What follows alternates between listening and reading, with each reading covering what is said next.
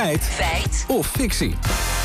Ja, we pakken er een onderwerp bij, Lammert, vruchtbaarheid. Ja, want uit onderzoek van de Wereldgezondheidsorganisatie blijkt dat wereldwijd 1 op de 6 mensen onvruchtbaar is. En daarbij maakt het niet uit of je in een rijk of arm land leeft. De topman van de WHO zegt namelijk: onvruchtbaarheid discrimineert niet. Nou, klinkt heel democratisch, maakt geen onderscheid. Uh, vraag is: klopt het? Ja, gaan we checken. Maar Ja. om dat goed te kunnen doen, moeten we eerst de definitie van onvruchtbaarheid even goed scherp hebben.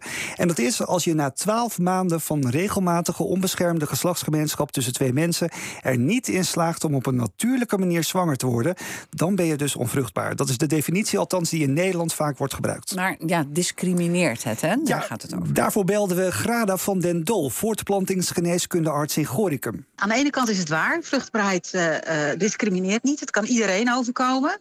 Aan de andere kant ehm, zit, zitten er toch wel wat, wat verschillen in, nuanceverschillen in. Eh, de meest belangrijke factor, in je kans op zwanger worden is toch de leeftijd van de vrouw. Ja, Gorka moest ik natuurlijk zeggen. Het is dus waar, maar er zijn wel nuanceverschillen.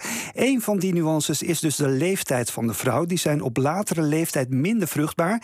En in rijkere landen willen vrouwen juist later kinderen, terwijl ze dan dus minder vruchtbaar zijn. Maar er spelen nog andere factoren ook een rol, zegt Van den Dol. We weten natuurlijk dat roken dat dat de kansen halveert op zwangerschap. En eh, dat als je stopt met roken, dat je kansen dan toch wel weer wat omhoog gaan. Nou, wat maakt de vruchtbaarheid in armere landen dan lager? Ja, dat vroegen we aan Dana Huppelschoten. Zij is gynaecoloog in het Catharina ziekenhuis in Eindhoven en gespecialiseerd in voortplantingsgeneeskunde.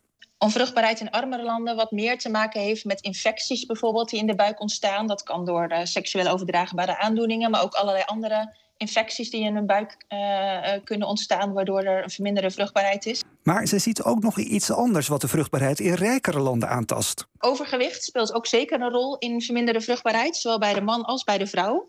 Eh, en overgewicht is natuurlijk ook iets wat we in de welvaartslanden wat meer zien. Eh, dus dat is denk ik ook een duidelijk verschil tussen redenen voor verminderde vruchtbaarheid in rijke of arme landen. Maar in eh, rijkere landen is ook meer geld om gezond te eten. Heeft dat dan geen invloed? Ja, dat kan zeker een rol spelen, vertelt Annemiek Knap. Zij is hoogleraar voortplantingsgeneeskunde aan het Radboud UMC. We denken dat het soms zo kan zijn dat als mannen bijvoorbeeld eh, net een klein beetje een, een, een zaadkwaliteit hebben die op het randje zit, hè, dus, dus, dus niet heel erg slecht, maar ook niet supergoed.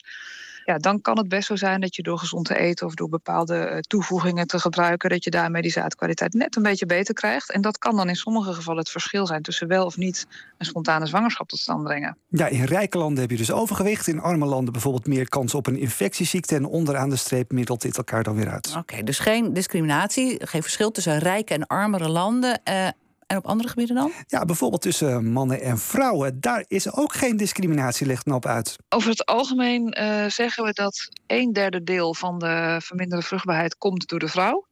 Een derde deel eh, wordt veroorzaakt door een factor bij de man. En bij ongeveer een derde ja, weten we het niet. We- Weten we niet eh, waarom het nou niet lukt.